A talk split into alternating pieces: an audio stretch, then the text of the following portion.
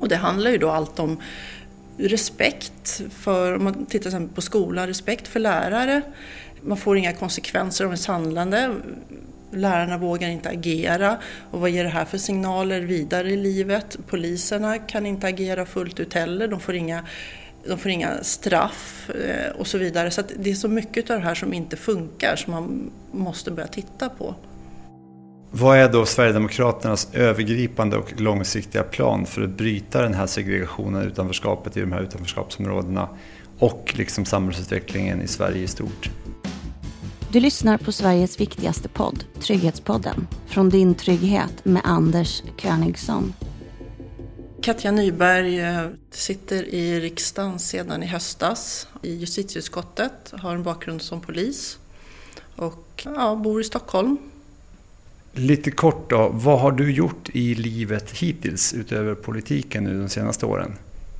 Jobbat som polis, har gjort det väldigt många år, i runt 20 år och har en ganska bred erfarenhet därifrån. Senast kom jag från NOA, utredningsverksamhet där men är väldigt operativ verksamhet också. Vi gör våra egna tillslag, som man jobbar egentligen från ax till limpa så det är ett väldigt roligt jobb men jag även jobbar med ekobrott, Säpo, narkotika, ja, allt möjligt helt enkelt.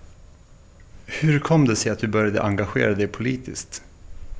Det var 2014 som jag började känna att, eh, hade vi känt så ett tag innan också, men det var då jag kände att det jag gör som polis räcker inte till. Och jag ville göra mer. Och det parti som jag tyckte stämde bäst överens med eh, de frågor och förväntningar jag hade, det var Sverigedemokraterna. Men då var det ju det här med att det är ett rasistiskt parti och allt det man hade fått höra och var inmatad med helt enkelt. Men jag ville undersöka själv. Så jag tog kontakt med Sverigedemokraterna och eh, fick träffa en, olika personer och åkte även iväg själv på lite olika föreläsningar och sånt. Och upptäckte ju att det här stämmer ju inte. Och det var då jag tog beslutet att bli medlem och sen började engagera mig i partiet. Du ville göra någonting mer sa du. Vad är det du vill uppnå med ditt politiska engagemang? Försöka förändra saker och ting. För att det man ser i yrket som polis, då märker man att det, det går inte åt rätt håll. Nu är det ju allmänt känt också, men då, som kanske inte känns som det är jättelänge sedan, 2014, så började jag inse att nej, vi måste göra någonting mer. Och då, är, då var det politiken som jag tyckte att där kanske man kan bidra på något sätt och eh, göra någonting. Efter valet i höstas så kom du alltså in i riksdagen och blev även en av tre ledamöter från Sverigedemokraterna i justitieutskottet. Det här fyra år efter att du gick in i politiken, vad har gjort att du haft en så snabb politisk karriär som det här ändå måste sägas vara?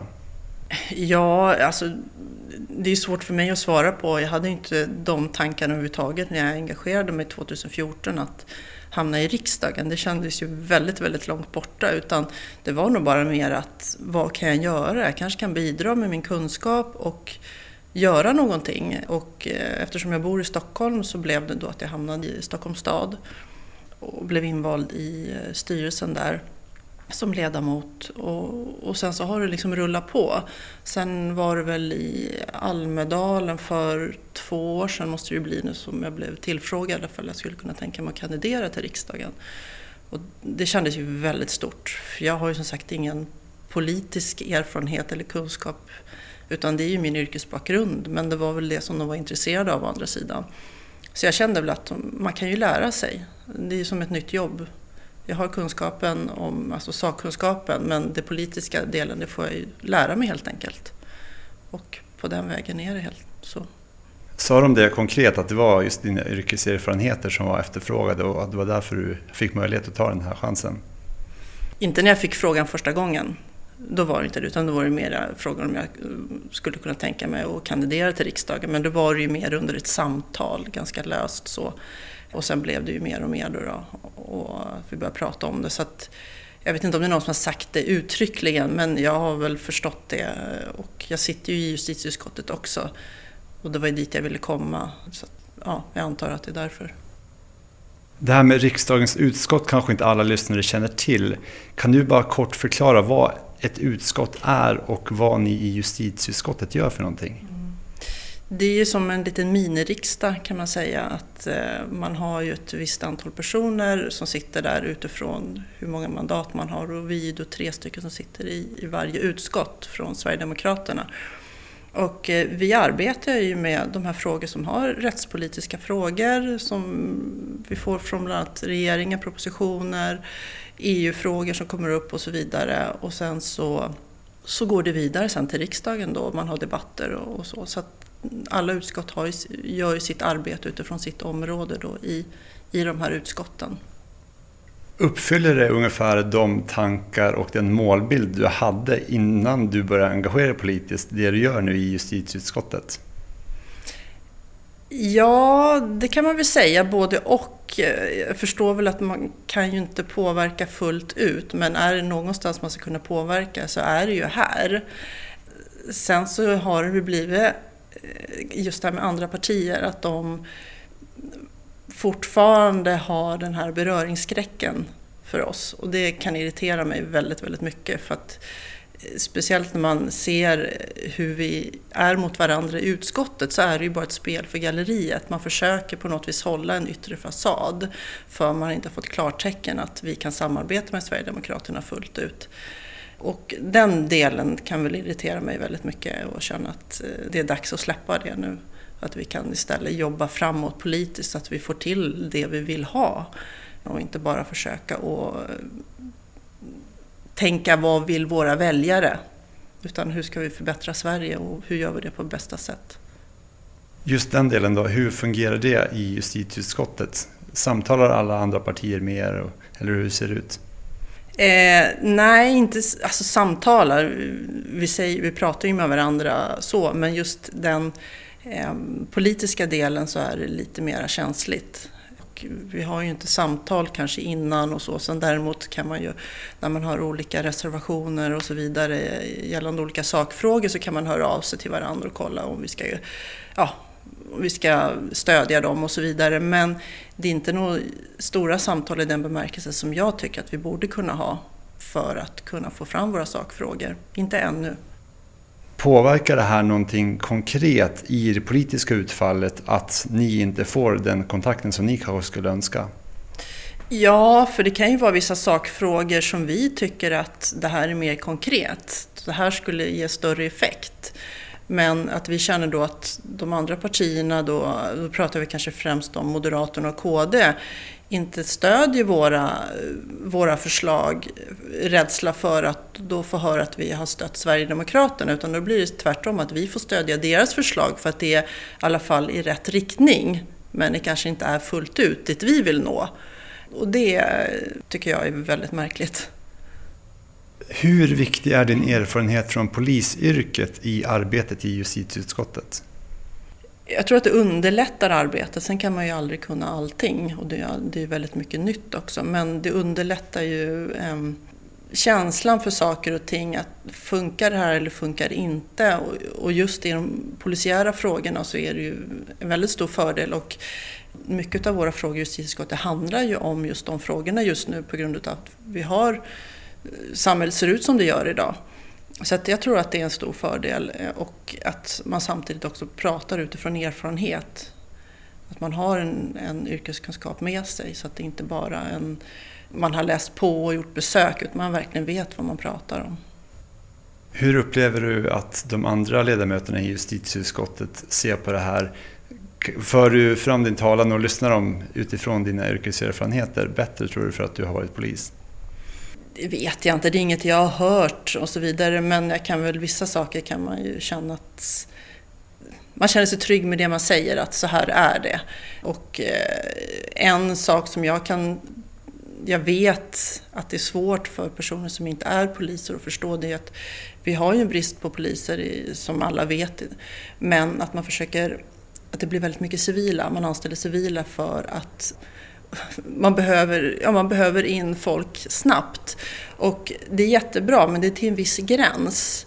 Att det går inte att ha hur många civila som helst som tar de polisiära uppgifterna. För det är en speciell erfarenhet och kunskap som behövs. Och speciellt när man sitter på chefsbefattningar. För många av de högsta chefs, cheferna i, inom polisorganisationen är civila. De är inte poliser och det vet, tror inte jag allmänheten vet om. Men de har polisuniformer, de har vapen och allt det här. Men de har ingen erfarenhet och de har ingen utbildning. Och de här sakerna har jag bland annat pratat om i riksdagen i debatt och har en artikel som kommer komma ut. Och de här sakerna tror jag kan vara svårt för, för folk att förstå vad man egentligen säger. Man vill bara att vi ska lösa den här polisiära krisen, vi måste ha in fler civila och så vidare. Och, och där tror jag att jag kan göra en stor skillnad faktiskt. Det här är en podd som handlar om trygghetsfrågor. Hur viktigt är det här med medborgarnas säkerhet och trygghet för Sverigedemokraterna? Ja, det är ju jätteviktigt. Det är en av våra viktigaste frågor. Att folk ska känna sig trygga. Och tyvärr har ju den otryggheten ökat. Och det vill ju vi, det vill vi förändra. Och eh, det är ju väldigt mycket prat om polisen, att det är polisen som ska göra det här. Men polisen kommer inte kunna lösa det här själv det är en uppgift som flera vi behöver flera instanser som hjälper till i det här och jag tror att man börjar förstå det nu men det är ändå väldigt mycket prat om att poliserna ska göra det här. Så att det är flera aspekter man måste se över för att kunna få tillbaka den här tryggheten, att folk ska kunna känna sig trygga igen. Nu har det nyss varit val till Europaparlamentet. Hur ser ni i Sverigedemokraterna på valresultatet?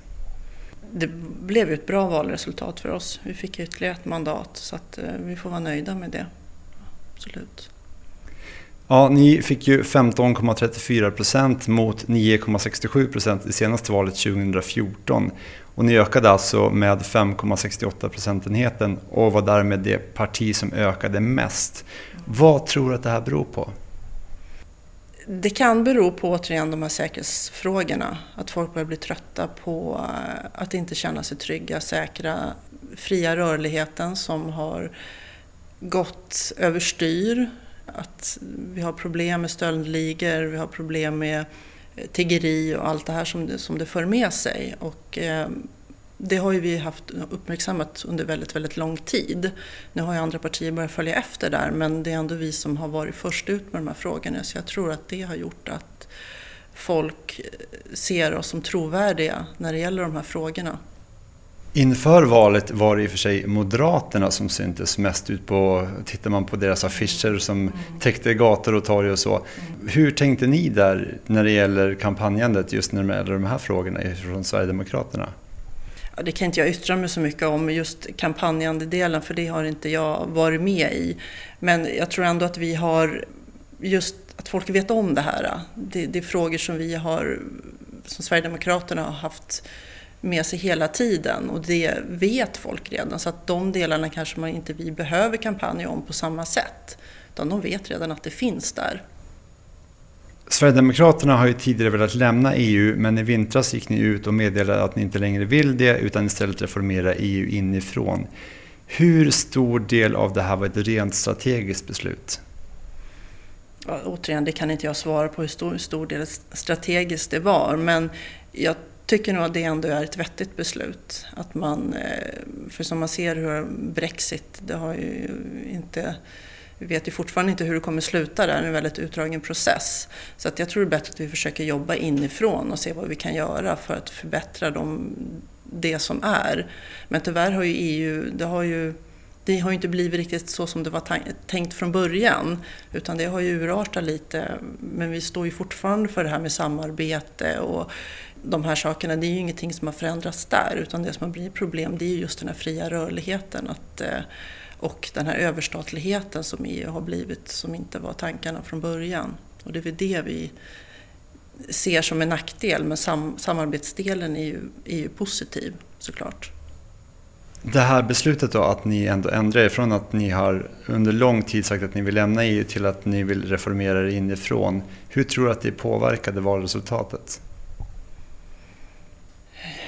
Ja, det är svårt att säga men det är klart att det blev ju mer positivt. För att jag tror nog att det är många som inte kanske vet riktigt så mycket om EU och ser det bara, ja men det är ju ett samarbete och så vidare och då är det en stor nackdel att gå ur.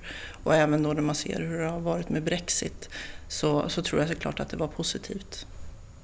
Hade ni gjort ett bättre val om ni fortsatt hade sagt att ni vill lämna EU? Alltså det är jättesvårt att säga.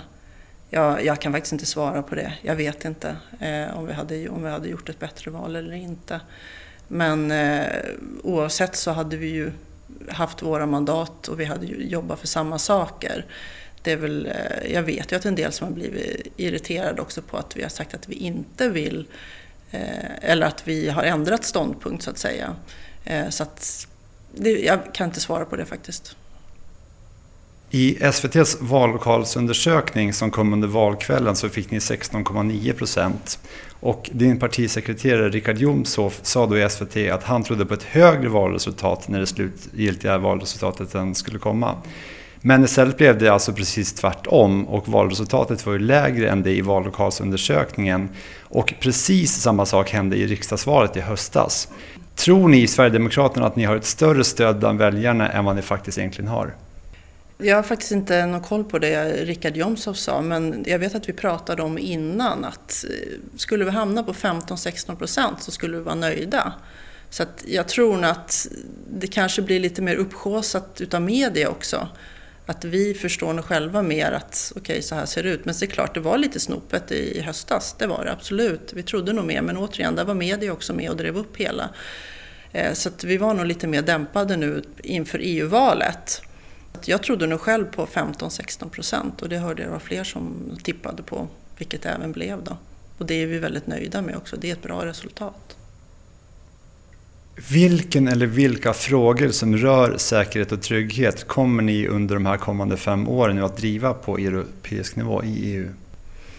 Alltså viktiga frågor för oss det är ju den rörliga friheten. Eh, att vi måste se till att få eh, ordning på den för att just nu så funkar det inte. Vi har stöldligor som kostar oss otroligt mycket pengar.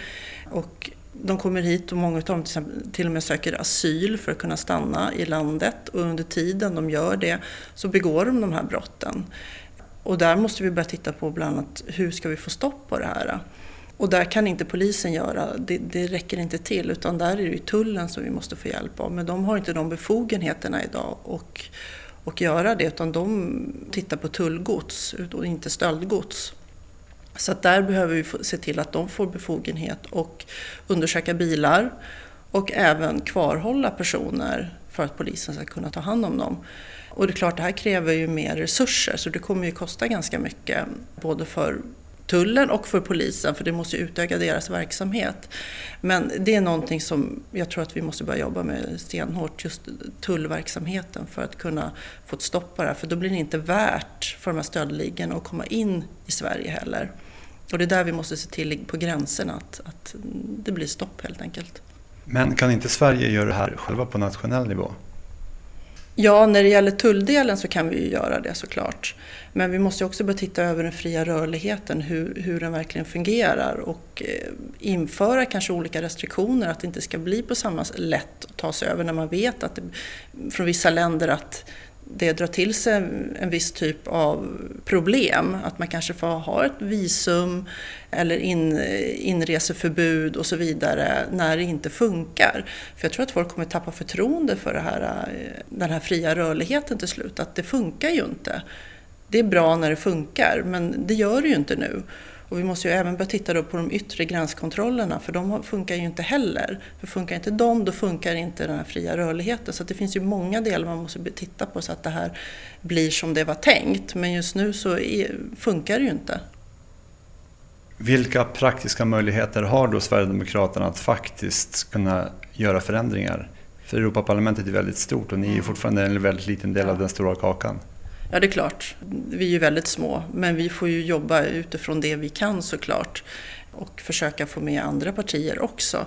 Men vi behöver ju jobba på dels de här yttre gräns, gränserna men även våra inre gränskontroller måste vi också börja titta på så att det funkar fullt ut eftersom de yttre gränskontrollerna inte funkar. Så att eh, de frågorna är ju jätteviktiga. Nu ska vi vända blickarna mer mot situationen i Sverige. Som Sverigedemokraternas en av tre representanter i justitieutskottet. Hur ser du på samhällsutvecklingen i Sverige? Du har redan nämnt lite grann att du är, eh, låter ganska pessimistisk. Mm. Ja, om det kommer fortsätta som det gör nu så känns det inte vidare hoppfullt. Och eh, vi måste få till en förändring, helt klart. Och det gäller ju de här främst med utanförskapsområdena som har Ja, det har ju exploderat de senaste åren och vi måste ju kunna stoppa den här utvecklingen.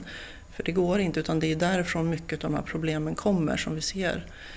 Så att där är någonting som politiskt som vi måste jobba stenhårt med.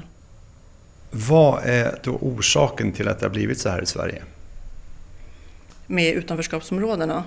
Med hela den situation som du säger då, att samhällsutvecklingen, du tycker att den går åt fel håll?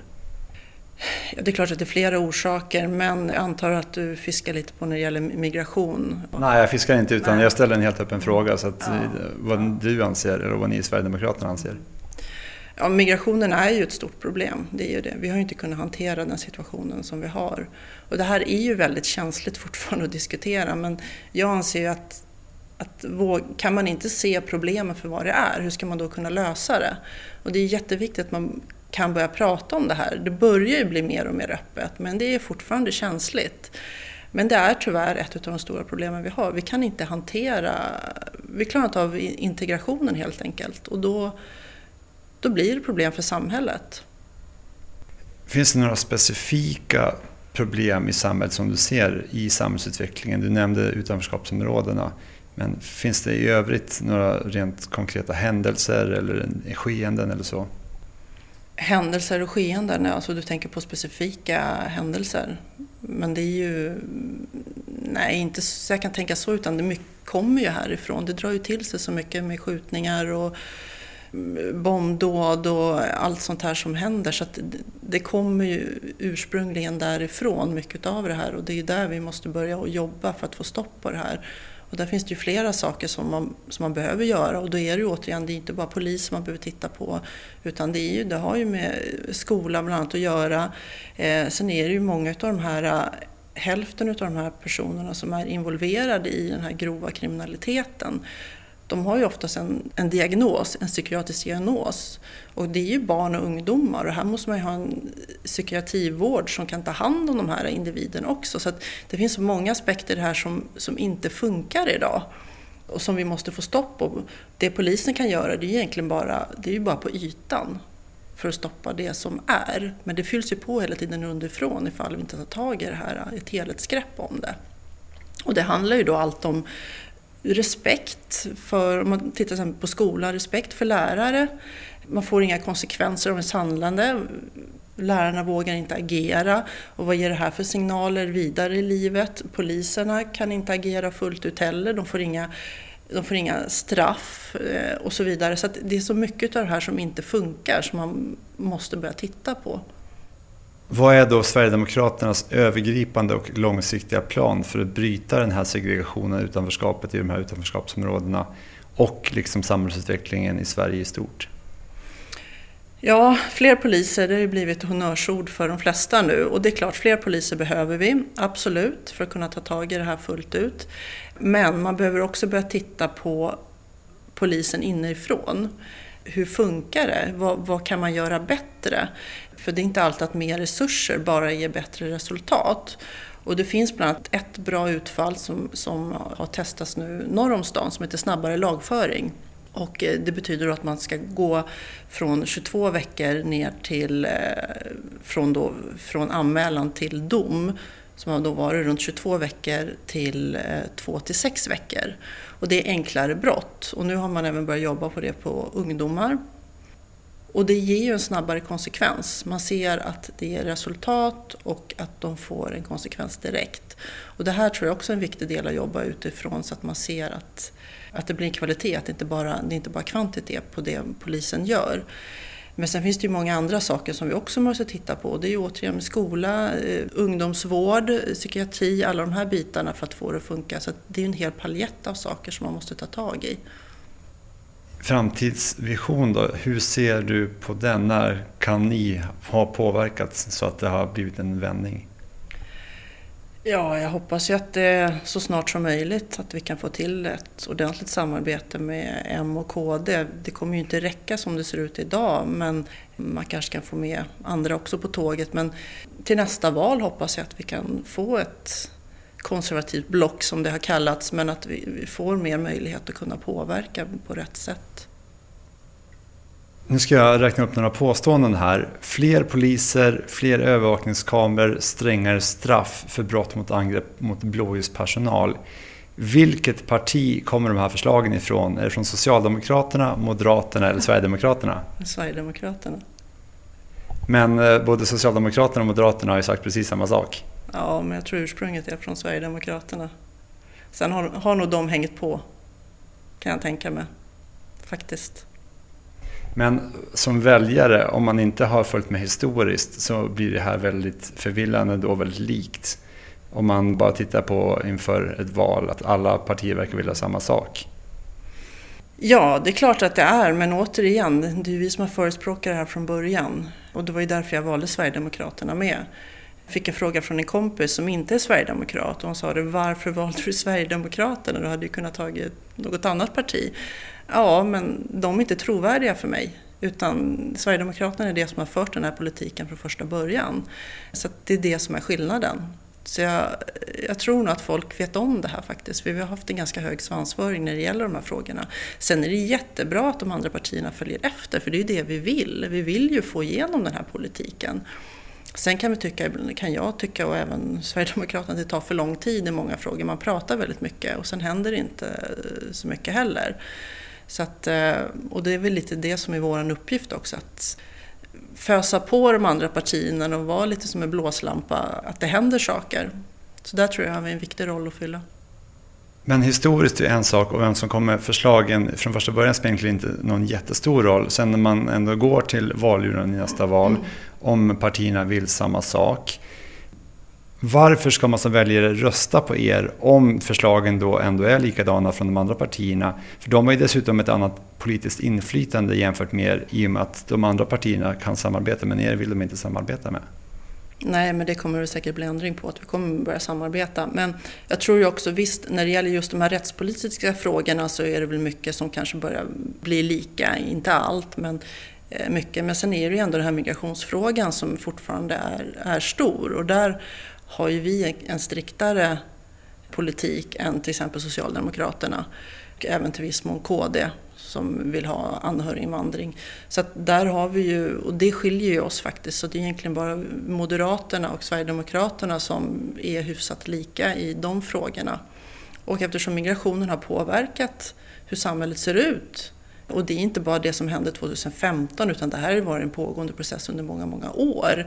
Det märkte jag när jag var ute och jobbade som polis och man var i de här utanförskapsområdena som då inte kallades för utanförskapsområden men var på väg dit. Att man märkte att det här är inte något som är hållbart. Att folk har inget jobb, barnen går inte i skola och de, de ser inget framtidshopp. Och då blir man kriminell. Så det här har ju varit något som har pågått under lång tid och det, det är ju någonting som vi eh, har sett tidigt som de andra partierna inte såg då.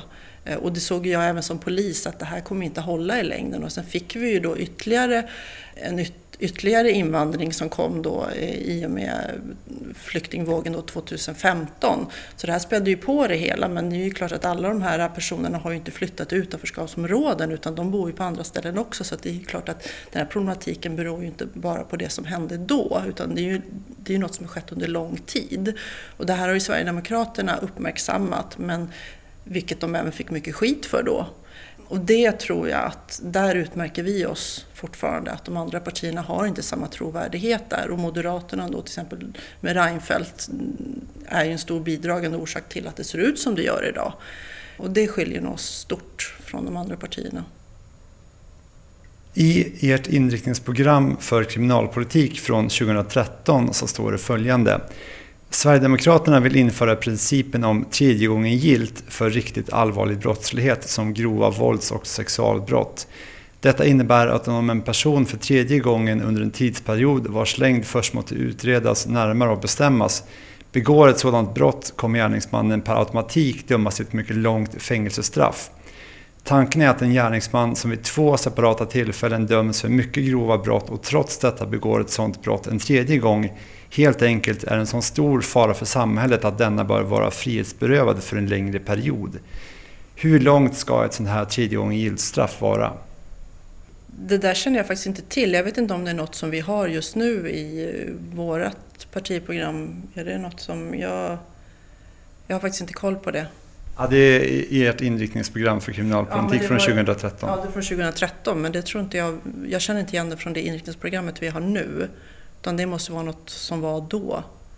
Sen rent generellt så vill vi ju se hårdare straff och även då för återfallsförbrytare såklart. Eh, men den delen, jag känner inte igen det faktiskt. För det här med tredje gången gilt var också någonting som er rättspolitiska talesperson för detta, Kent Ekeroth, också la fram en motion om i riksdagen. Okay. Men hur ställer ni er i Sverigedemokraterna idag till det här med tredje gången gilt straff? Jag vet faktiskt inte det. Jag kan inte svara på det, hur vi ser på det. Utan generellt sett så är vi för hårdare straff eller ta bort mängdrabatter och alla sådana här saker. Och det blir väl en del utav det i så fall, men jag kan inte uttala mig just om den, den delen tredje gången gilt faktiskt.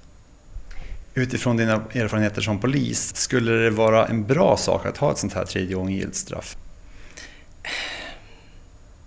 Nej, jag vet inte riktigt.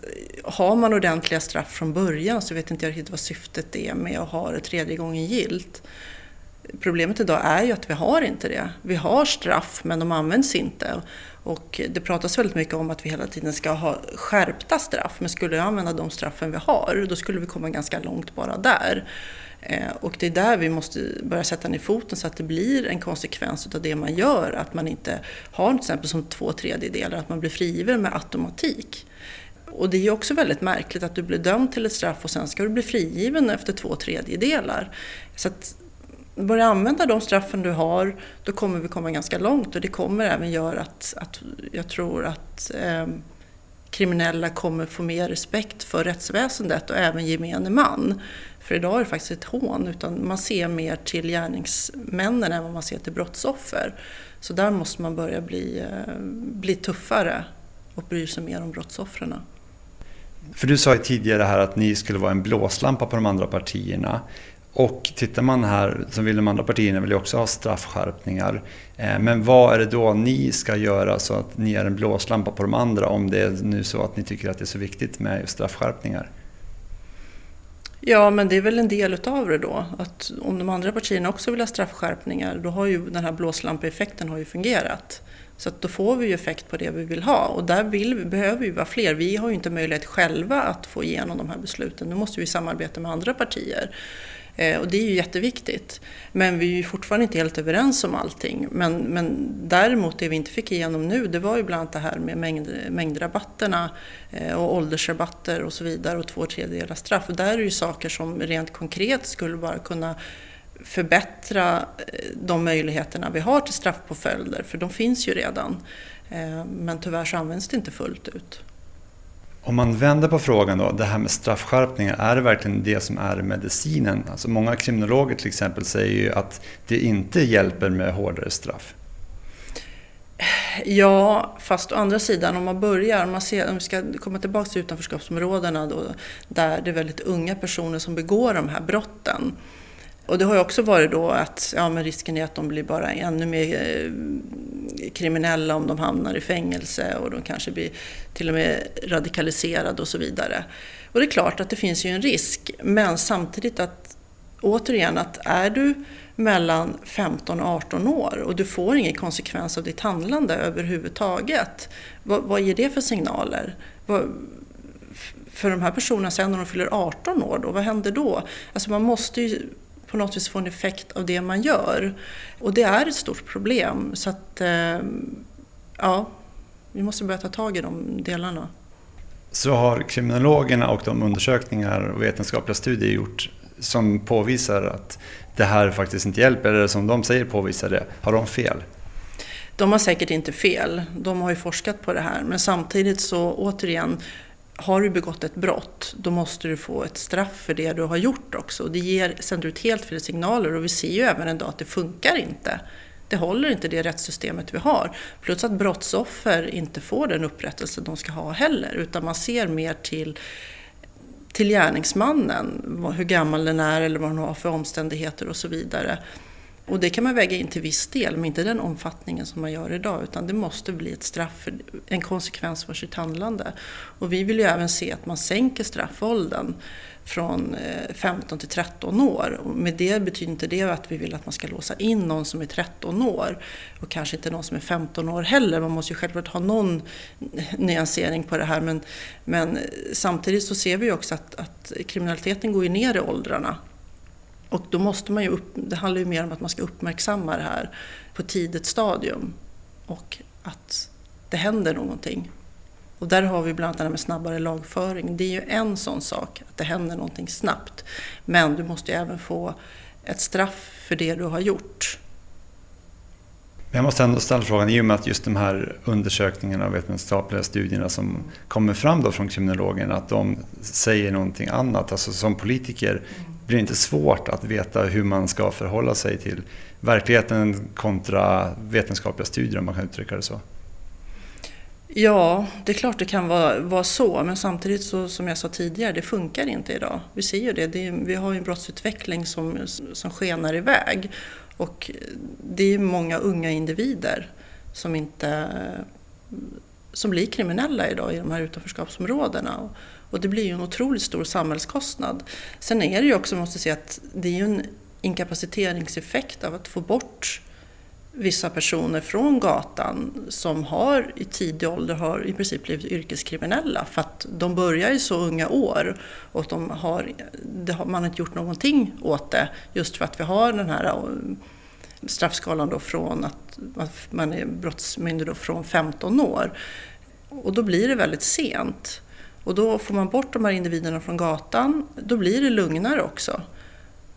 Samt att då brottsoffren då, att det blir inte någon risk för att det blir nya brottsoffer eller att de som har blivit utsatta får träffa på sina, de här gärningsmännen och så vidare. Så det finns många effekter utav det här. Men jag, jag, förstår vad du säger men samtidigt så måste man ju ändå se på hur ser, sam, hur ser samhällsutvecklingen ut och hur kommer det fortsätta helt enkelt om vi inte gör någonting åt det. För då blir det lite intressant. Du verkar ju tycka att det här är väldigt viktigt, att man har skärpta straff. Den här idén som lades fram då om tredje gången gillt straff, kan inte det vara i så fall en bra sak? Att man verkligen får bort de här personerna under en lång tid ifrån gator och torg? Ja, som jag sa tidigare, det är inget vi har diskuterat och jag vet inte om det är lösningen på det. Utan jag tror mer på att har vi ordentliga straff och konsekvenser så, kommer det, så räcker det långt nog. Sen kan man se till även att vissa brott, man får, får straffskärpningar på en sexualbrott, våldsbrott och sådana saker.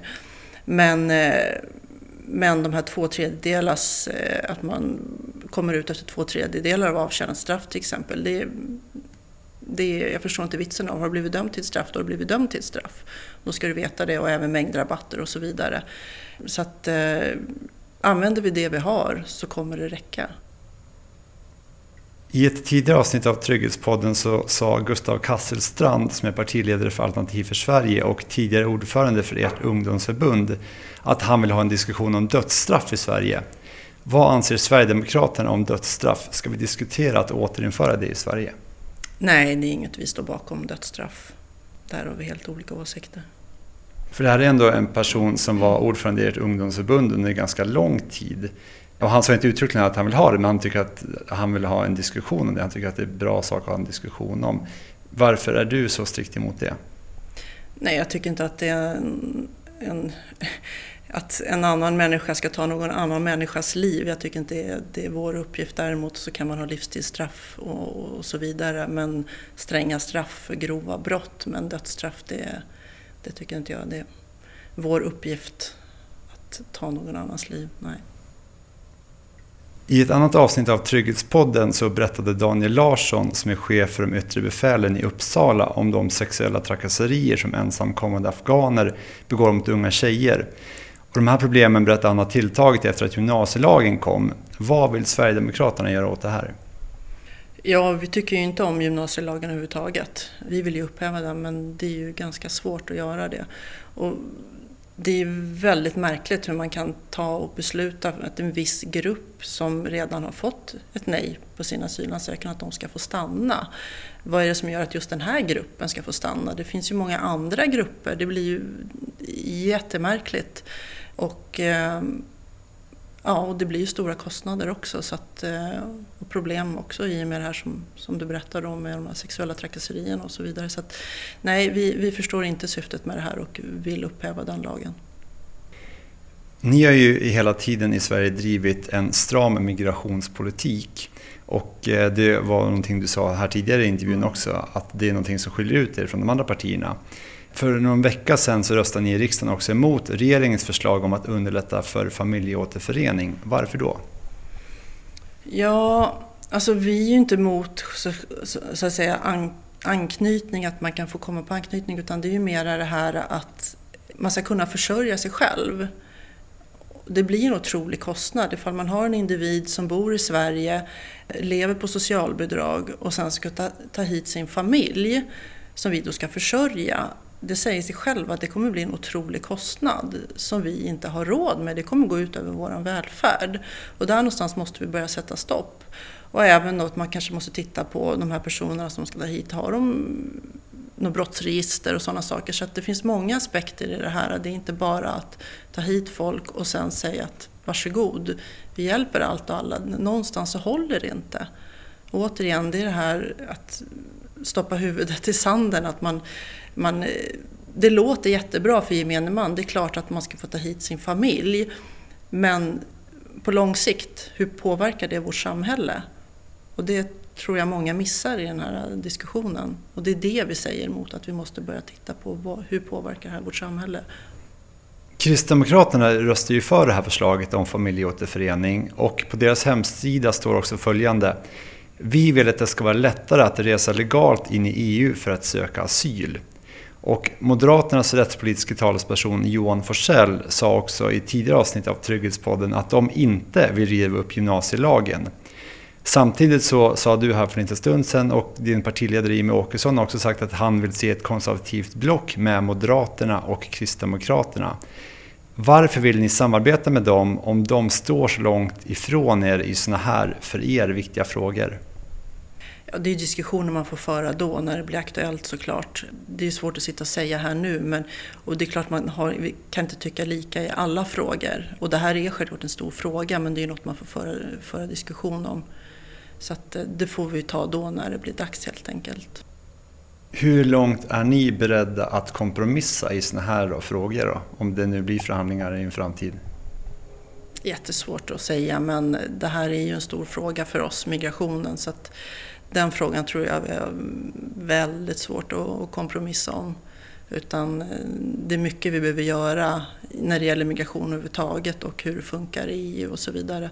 Så att eh, det finns ju många förslag som ligger på bordet, eh, bland annat när det gäller Frontex och EPPO och sådana saker som vi också har åsikter om.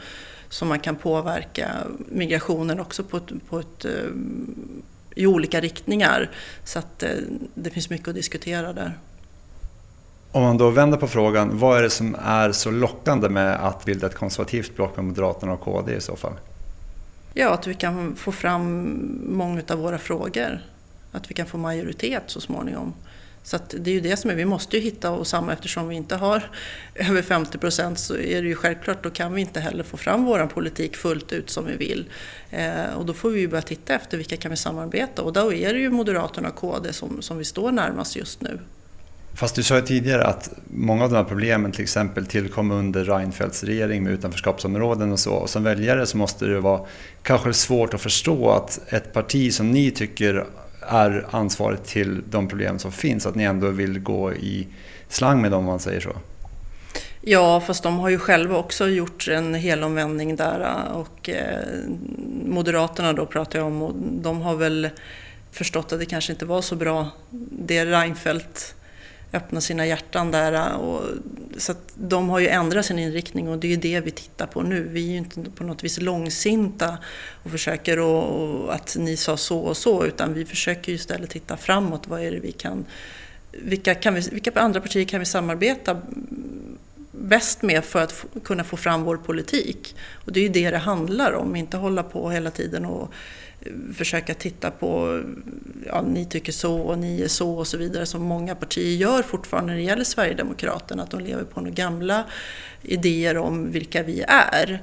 Utan vill vi Sveriges bästa då måste vi samarbeta också, det är ju självklart. Och det, det är väl det som jag tror att folk generellt sett har börjat ledsna på också. Att det är så mycket prat om saker och ting, men vad gör man egentligen? På tal om det här med att samarbeta med andra partier. Eh, nu var ju som sagt Alternativ för Sverige med i ett tidigare avsnitt av Trygghetspodden i och med att de var ett av Sveriges tio största partier och sett i riksdagsvalet 2018. Skulle ni kunna tänka er att samarbeta med Alternativ för Sverige om de kommer in i riksdagen framöver? Det är ju återigen det är samma sak där. Det beror ju på vilka frågor det handlar om. Till exempel det här med dödsstraff, det är ju ingenting som vi skulle stödja. Utan det handlar ju om att få fram våran politik. Och finns det då sakfrågor som vi skulle kunna samarbeta med så får man väl titta på det då, helt enkelt. Utan, för vi har ju suttit lite i den sitsen också, eller vi gör fortfarande. Fast jag vet egentligen inte vad det är man syftar på längre. För att om man tittar sen på Moderaterna och KD så är det ju så att mm, vi får ju fortfarande höra att vi har en dålig människosyn och alla de här sakerna. Men vad är det som, varför har vi dålig människosyn? Men vi har ju våra vi är väldigt lika i vår sakpolitik i många frågor och det grundas ju från värderingar som vi har. Och hur då kan vi då ha en dålig människosyn? Alltså det, här, det hänger inte ihop det här. Så att det här är någonting som man fortfarande är förlegat för att man inte har fått det okej okay, att vi ska samarbeta med Sverigedemokraterna. Men jag är helt övertygad om att det var en tidsfråga. Att man måste släppa det där. För det, det är löjligt helt enkelt.